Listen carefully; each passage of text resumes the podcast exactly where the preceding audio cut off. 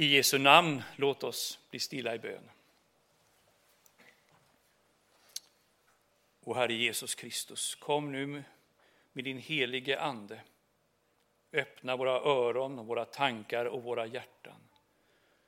Så att du med din levande röst kan tala rakt in i vårt innersta, in i vårt allra heligaste och där träda in själv med din nåd och med din sanning. Det ber vi i ditt heliga namn. Amen. Den text jag tänkte vi skulle ha som, som, som, som grund och så som jag kommer att utgå ifrån i min förkunnelse är hämtad ur Hebreerbrevets nionde kapitel, det jag ska försöka läsa nu på, på norsk. Ni får ta det som det Men då Kristus kom som ypperste präst får det goder som skulle komma, gick han genom det tältet som är större och mer fullkomment, som icke är gjort med händer, det vill säga som icke är av denne skapning, icke med blodet, blod av böcker och kalver, men med sitt eget blod gick han in i helgdomen en gång för alla, och fant en evig förlösning. För så sant blodet av böcker och oxer och asken av en kvige helger till ködets renhet, när det blir stänket på dem som är urene. Vår mye mer ska då Kristi blod, han som i kraft av en evig ond bar sig själv framför Gud som ett lytelöst offer, rense vår samvittighet från döde gärningar, så att vi kan tjäna den levande Gud. Därför är han mellomman får en ny pakt, för att det som är kallt ska få den eviga arven som var lovt, efter det att han funnit sted en död till förlösning för överträdelserna under den första pakt. Och när det gäller ett testamente är det nödvändigt att det blir gottgjort att den som har upprättat det är död. För ett testamente blir först gyldig när han dör, sedan det aldrig trär i kraft så länge den som upprättat det är i livet. Därför blev icke heller den första pakt mm, eh, inviet utan blod.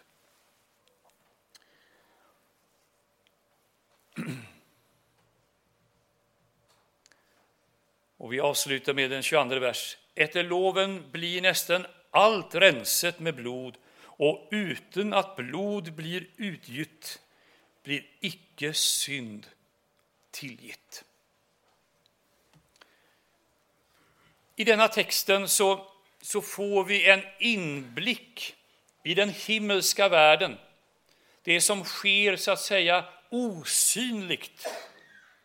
När Jesus går sin tunga vandring på Via Dolorosa, smärtornas väg, från Pilatus palats ut till Golgata, där han bär sitt eget kors, där han får möta hån och spott och också tårar från dem som älskar honom. Medan han, trä, han träder fram där, törnekrönt under svett och blod, till Golgata kors, så sker det liksom i den himmelska världen en annan rörelse. Att Kristus, han som är smord till en evig ypperste präst, till kungars kung och till den store profeten, att han som Messias och som Guds son träder in i en helgdom, i ett tabernakel, i ett tempel som inte är gjort av människohand, utan som är skapat av Gud och därför evigt. Där träder han ensam fram i en enmansprocession som går ända in i det allra heligaste. På norsk heter det, har jag förstått, helgdomen. Och det är en översättning av hebreiskans dibre, det allra heligaste, det innersta i templet, bakom förlåten, dit överste prästen bara trädde en gång om året på den stora försoningsdagen. Så var det i tabernaklet och i det jordiska templet i Jerusalem. Och det är en avspegling av en himmelsk verklighet. Där finns det också ett dibré, ett allra heligaste, en helgdom. Och in dit träder den store överste prästen Jesus. Och han har med sig ett offer. Och det är inte tjurars eller bockars eller kalvars blod, utan det är hans heliga, eget heliga och dyrbara blod. Och det är en rörelse som vi ska tala om här ikväll, eller här idag menar jag. Eh, men jag ska också tala om en annan rörelse och vi ska strax återkomma till det. Men därför blir temat för predikan idag de två rörelserna in mot det allra heligaste i templet.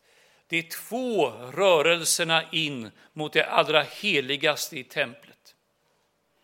Och innan vi talar mer om Jesu vandring in i det allra heligaste så ska jag tala om någonting helt annat, en slags motrörelse, nämligen djävulens massrörelse för att skända och ödelägga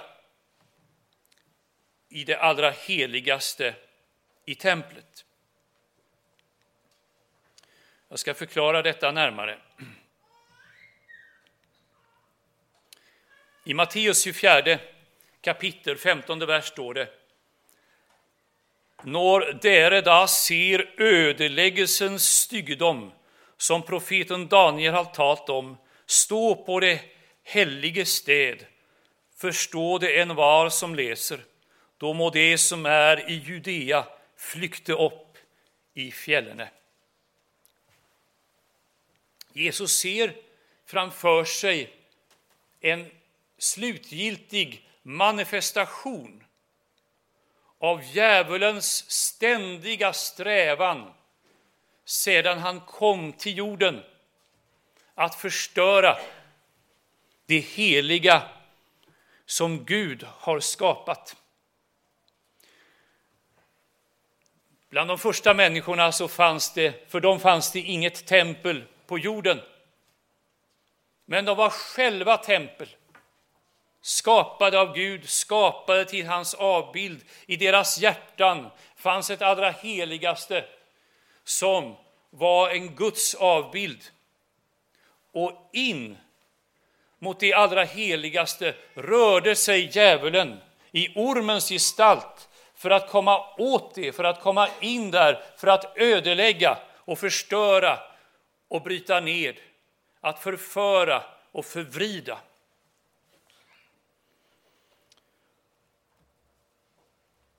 Och för att skydda sig mot, dessa, mot detta så, så är, är människorna skapade av Gud med en självbevarelsedrift, eller med ett internationellt ord, med integritet. Använder ni det på norsk? Integritet? Det är ett betydelsefullt ord. Det är en gåva ifrån Gud. Men ni som är unga och börjar titta på platsannonser, säg mig om ni någonsin har sett en ledig tjänst där det står vi förväntar oss att du har ett levande samvete, att du har en hög integritet. I Sverige är det länge sedan vi såg en sådan platsannons. Istället brukar det stå vi önskar att du ska vara öppen och flexibel.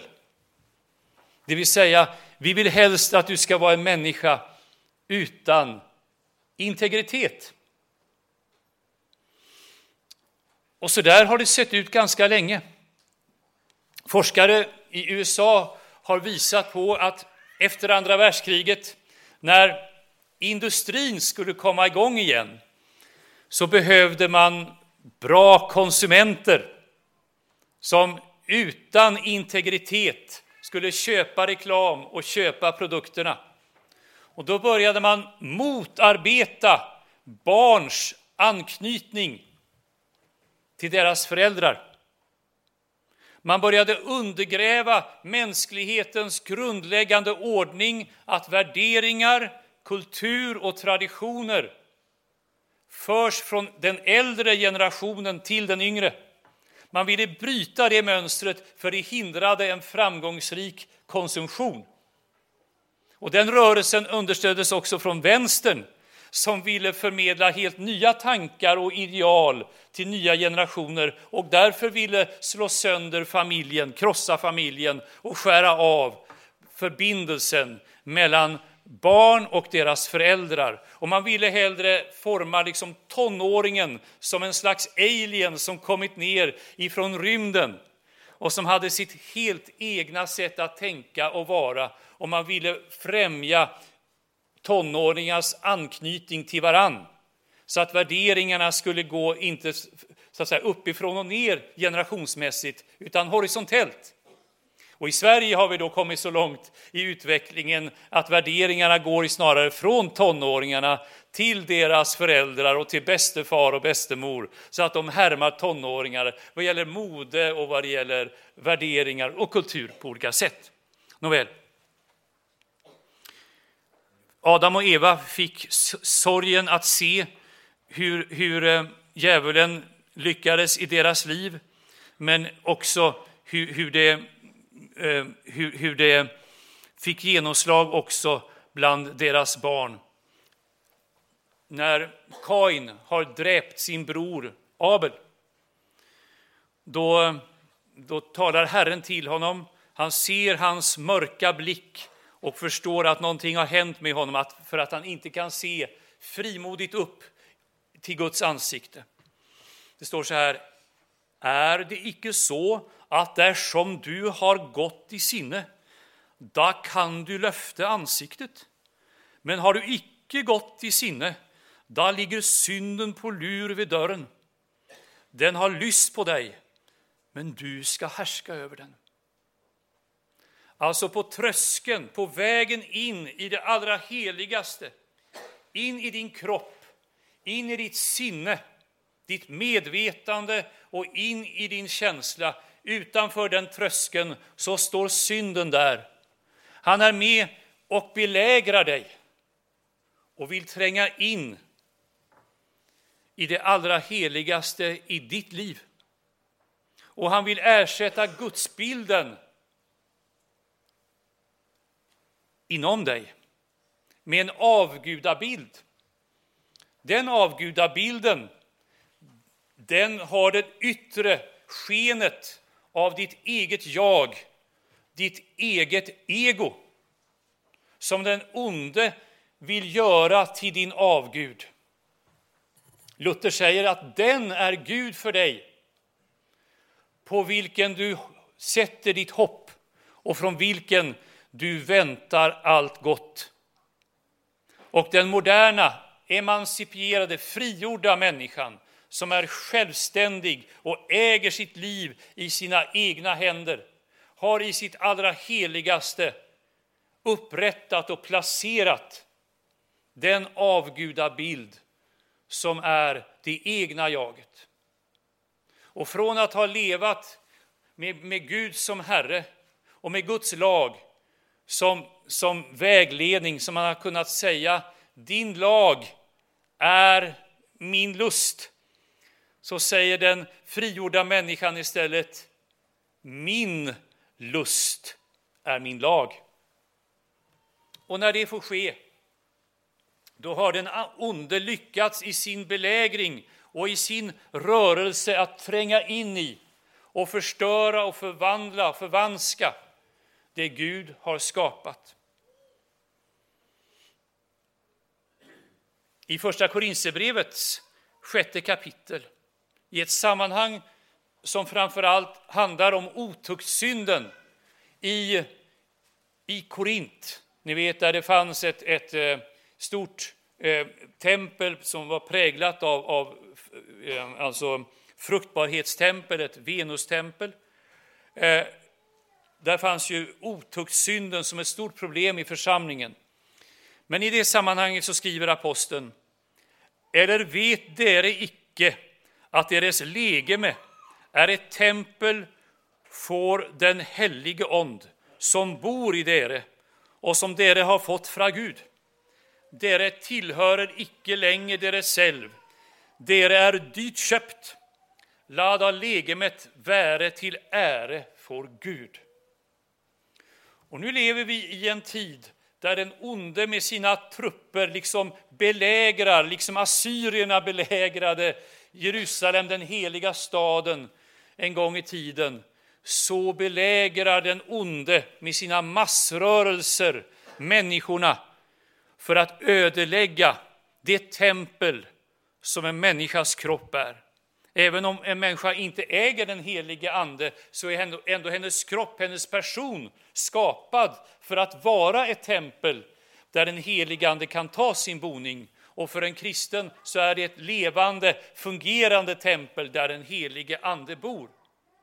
Men in i kroppen, också i det mest privata, vill den onde komma med sin makt och förstöra. Och så upplever vi nu i en tid där, där vi har en enorm tillgång till information, en lättillgänglighet vad det gäller pornografi, vad det gäller ett, ett kontaktsökande utan någon som helst integritet. Det speglas i Sverige, det allvarliga att vuxna människor eh, så kallade groomar och, och försöker få kontakt med barn på nätet, också med sexuella syften. Och man pekar på hur, hur, hur barns nakenbilder missbrukas av vuxna. Och det är en fasansfull sak. Men det redan är ju en fasansfull sak. Vem har sagt att det är, det är bra och fint så länge alltså mindreåriga sprider sina nakenbilder bara till varann? Det sker på, på nätet. Det sker också i, i verkligheten där integriteten för kroppen, insikten om den egna kroppens värdighet undergrävs på mängder av sätt. Och det leder i längden till en sådan ångest som skapar självförakt och i värsta fall ett självstraffande beteende. Det självstraffande beteendet kan ta sig mängder av uttryck i ätstörningar, i självskadebeteenden, men också ett sexuellt missbruk kan vara ett sätt att omedvetet bestraffa sig själv för bristande integritet. Och för unga människor som har att stå emot dessa angrepp där den onde med hans synder står och lurar utanför templet vid tröskeln. Vad signalerar då den kristna kyrkan? När den kristna kyrkan, i det yttre, alltså den yttre kristna kyrkan i våra nordiska folkkyrkor som Svenska kyrkan och jag skulle kunna tänka mig den norska kyrkan. När den gång på gång gentemot tidsandan visar en bristande integritet och öppnar sig för budskap, för läror och för ordningar som inte kommer från den heliga skrift utan som kommer från tidsandan. Då framträder kyrkan som skulle vara Kristi brud. Hon framträder som en varelse som saknar integritet och signalerar för människorna, inte minst för unga människor, att det här med integritet, att ha höga trösklar, att ha dörrar där jag själv avgör utifrån mitt samvete vem jag vill släppa in på livet. Det ska du bara lägga ner. Gör som vi, var öppen för allt. Glöm dina reservationer, döva ditt samvete Sänk dina trösklar. Det är kyrkans budskap till människor som är mer ansatta än någonsin av djävulens massrörelse för att tränga in i oss, för att förnedra oss, för att förföra oss, för att, att, att ställa en gudlöshetens avgudabild i vårt hjärtas tempel. För även om den där avgudabilden som jag sa förut ser ut till en början som ditt ego, om du börjar skrapa på ytan så är det inte ditt jag, utan du ska finna att det är den onde som har satt sin egen bild där inne i hjärtat på den som öppnar sitt liv för synden, till kropp och till själ. Aposteln Petrus skriver i sitt första brev Vär edru, våk, deres motstander djävulen går omkring som en brölende löve och söker noen han kan oppsluke. Stå ham emot, faste i troen, for dere vet ju att bröderna deres runt om i världen må gå igenom de samme lidelsene. Den ondes syfte med att kunna tränga in i det allra heligaste i varje man, i varje kvinna och i varje kristen. Det är att skapa ett nätverk, en gemenskap som blir den absoluta motbilden, antitesen till den heliga allmänne kyrke som kallas dottern Sion. Den motbilden kallar Guds ord i Uppenbarelseboken för den babylonske sköke. Det är det nätverk av människor som har ödelagts av att de inte har kunnat hålla sina tempelportar stängda utan till kropp och själ har öppnat sig för den ondes inflytelser och som kollektiv dras in i ett sådant nätverk av tankar och värderingar och livsstilar som gestaltar den absoluta motbilden till Guds plan för människan.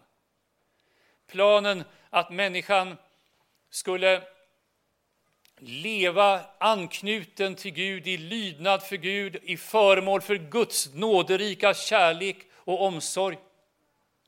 Att man skulle själv ta ansvar och ta hand om de svaga och de behövande, barnen, de sjuka och svaga, och där man skulle leva i den utgivande kärleken, kärleken som glömmer sig själv och ger ut till andra. Istället har den babylonska skökan det genomgående mönstret att allt är präglat av den begärande kärleken, eros. Den som visserligen har en, kan vara, är skapad av Gud och har sin plats i äktenskapet, men när den får genomsyra hela personen så blir det ett mönster av begärelse, jag vill ha, jag vill ta och ett självförverkligande som lockar, men som istället för människan så långt man bara kan tänka sig från att förverkliga det mål som skaparen själv har satt för oss. Och det här, det här måste vi ha som bakgrund, denna djävulens massrörelse att ockupera och tränga in i människan, i kroppens tempel, i hjärtats allra heligaste. Mot denna rörelse, rakt igenom alla dessa vrålande och förföriska massor, så träder, så vandrar en enkel och fattig man, en föraktad man, men som bär sitt huvud med värdighet, som har blicken fäst rakt fram. Han vet vart han ska gå. Han ska gå till korset och där i sig bära all den orenhet, allt det träck som flyter fram ur våra liv, ur våra själar och över våra kroppar när djävulen har lyckats tränga in i oss. Ni vet kalken som Jesus drack i ett semane som han bad att den skulle gå ifrån honom. Den rymde ett koncentrat av allt det som den onde har åstadkommit med människan när han har trängt över våra trösklar och förfört och förvridit oss. Detta bär frälsaren inom sig. Och med en konungslig värdighet så går han på en väg full av törnen med sina sårande, blödande fötter. Han går till korset här på jorden och i den himmelska världen så träder han in i det himmelska tabernaklet som icke är gjort av händer. Har ni tänkt på det? Att när vi ska fånga upp och beskriva en sann världsbild så är den i djupet religiös. I den finns ett altare, där finns tempel och där finns en prästlig tjänst.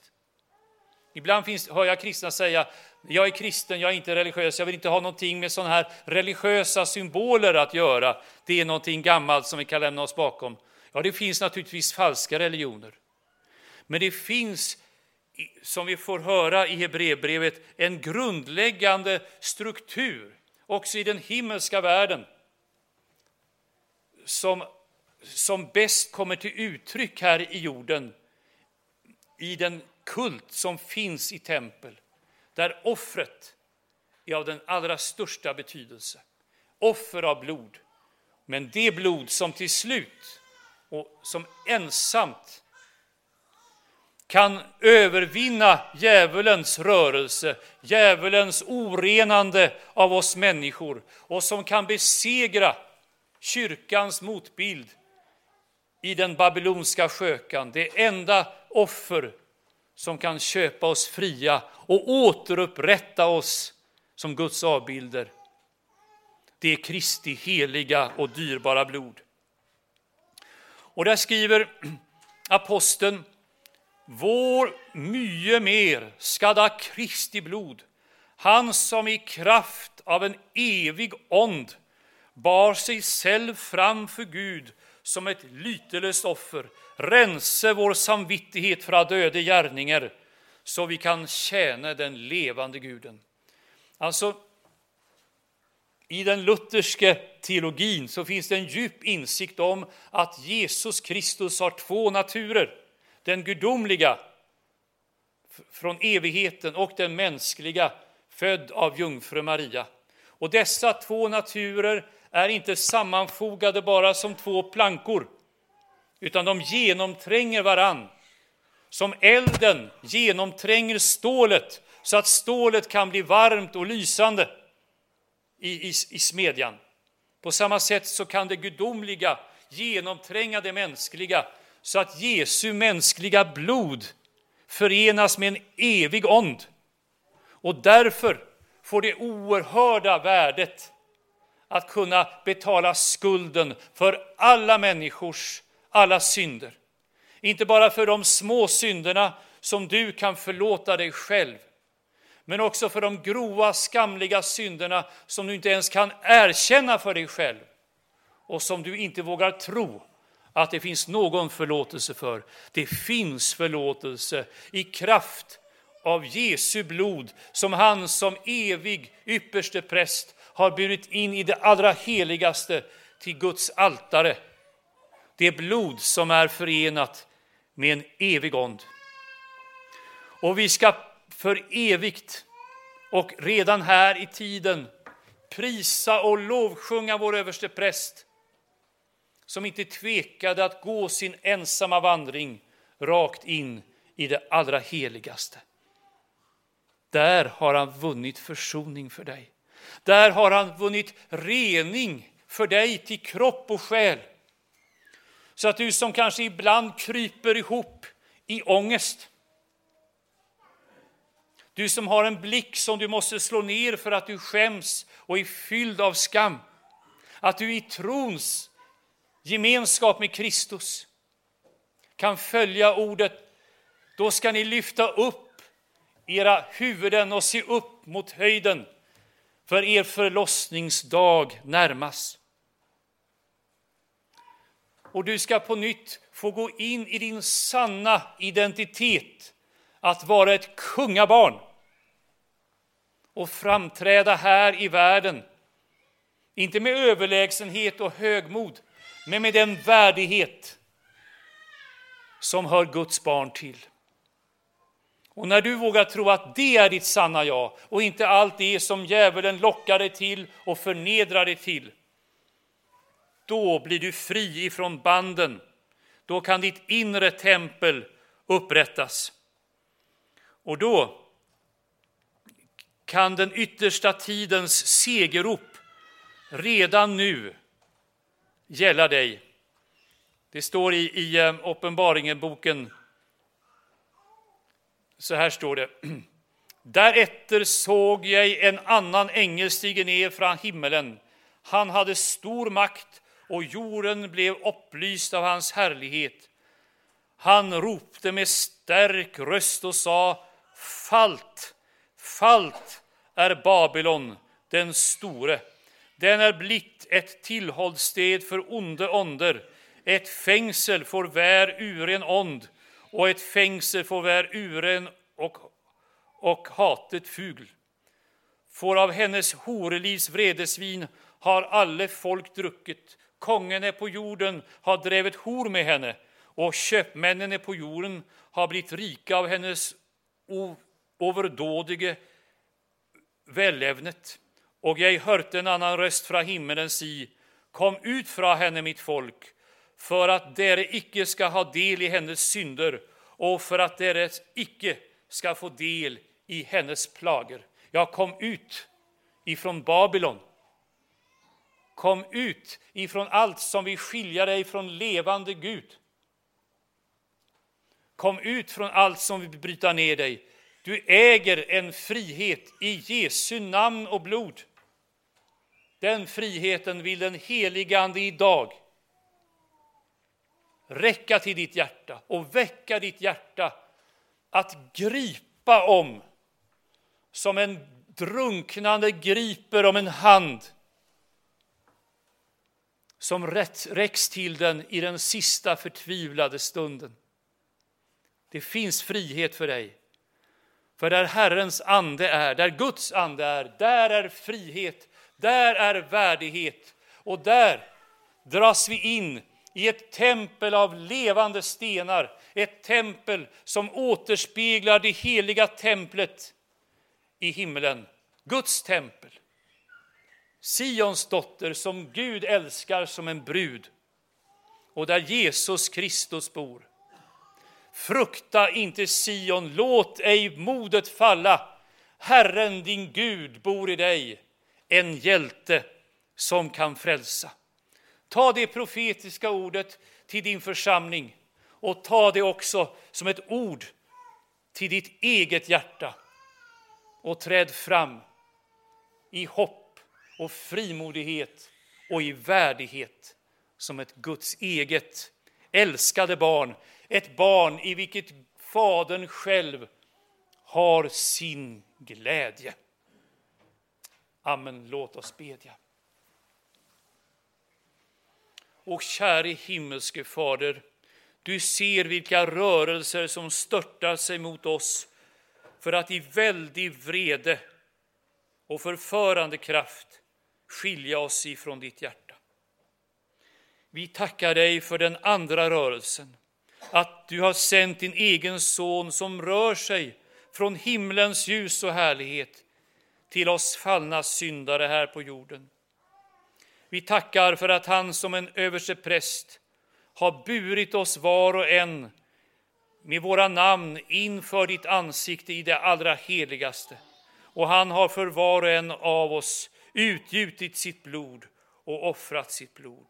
Kom med din helige Ande så att vi tar allt detta till oss, så att vi sätter vårt hopp till allt det du på ett fullkomligt sätt har gjort för oss. Herre, ge oss den frimodighet som bara din förlåtelse och din rättfärdighet kan skänka oss. Rusta oss så var och en att leva enligt vår kallelse som jordens salt och världens ljus. I Jesu namn. Amen.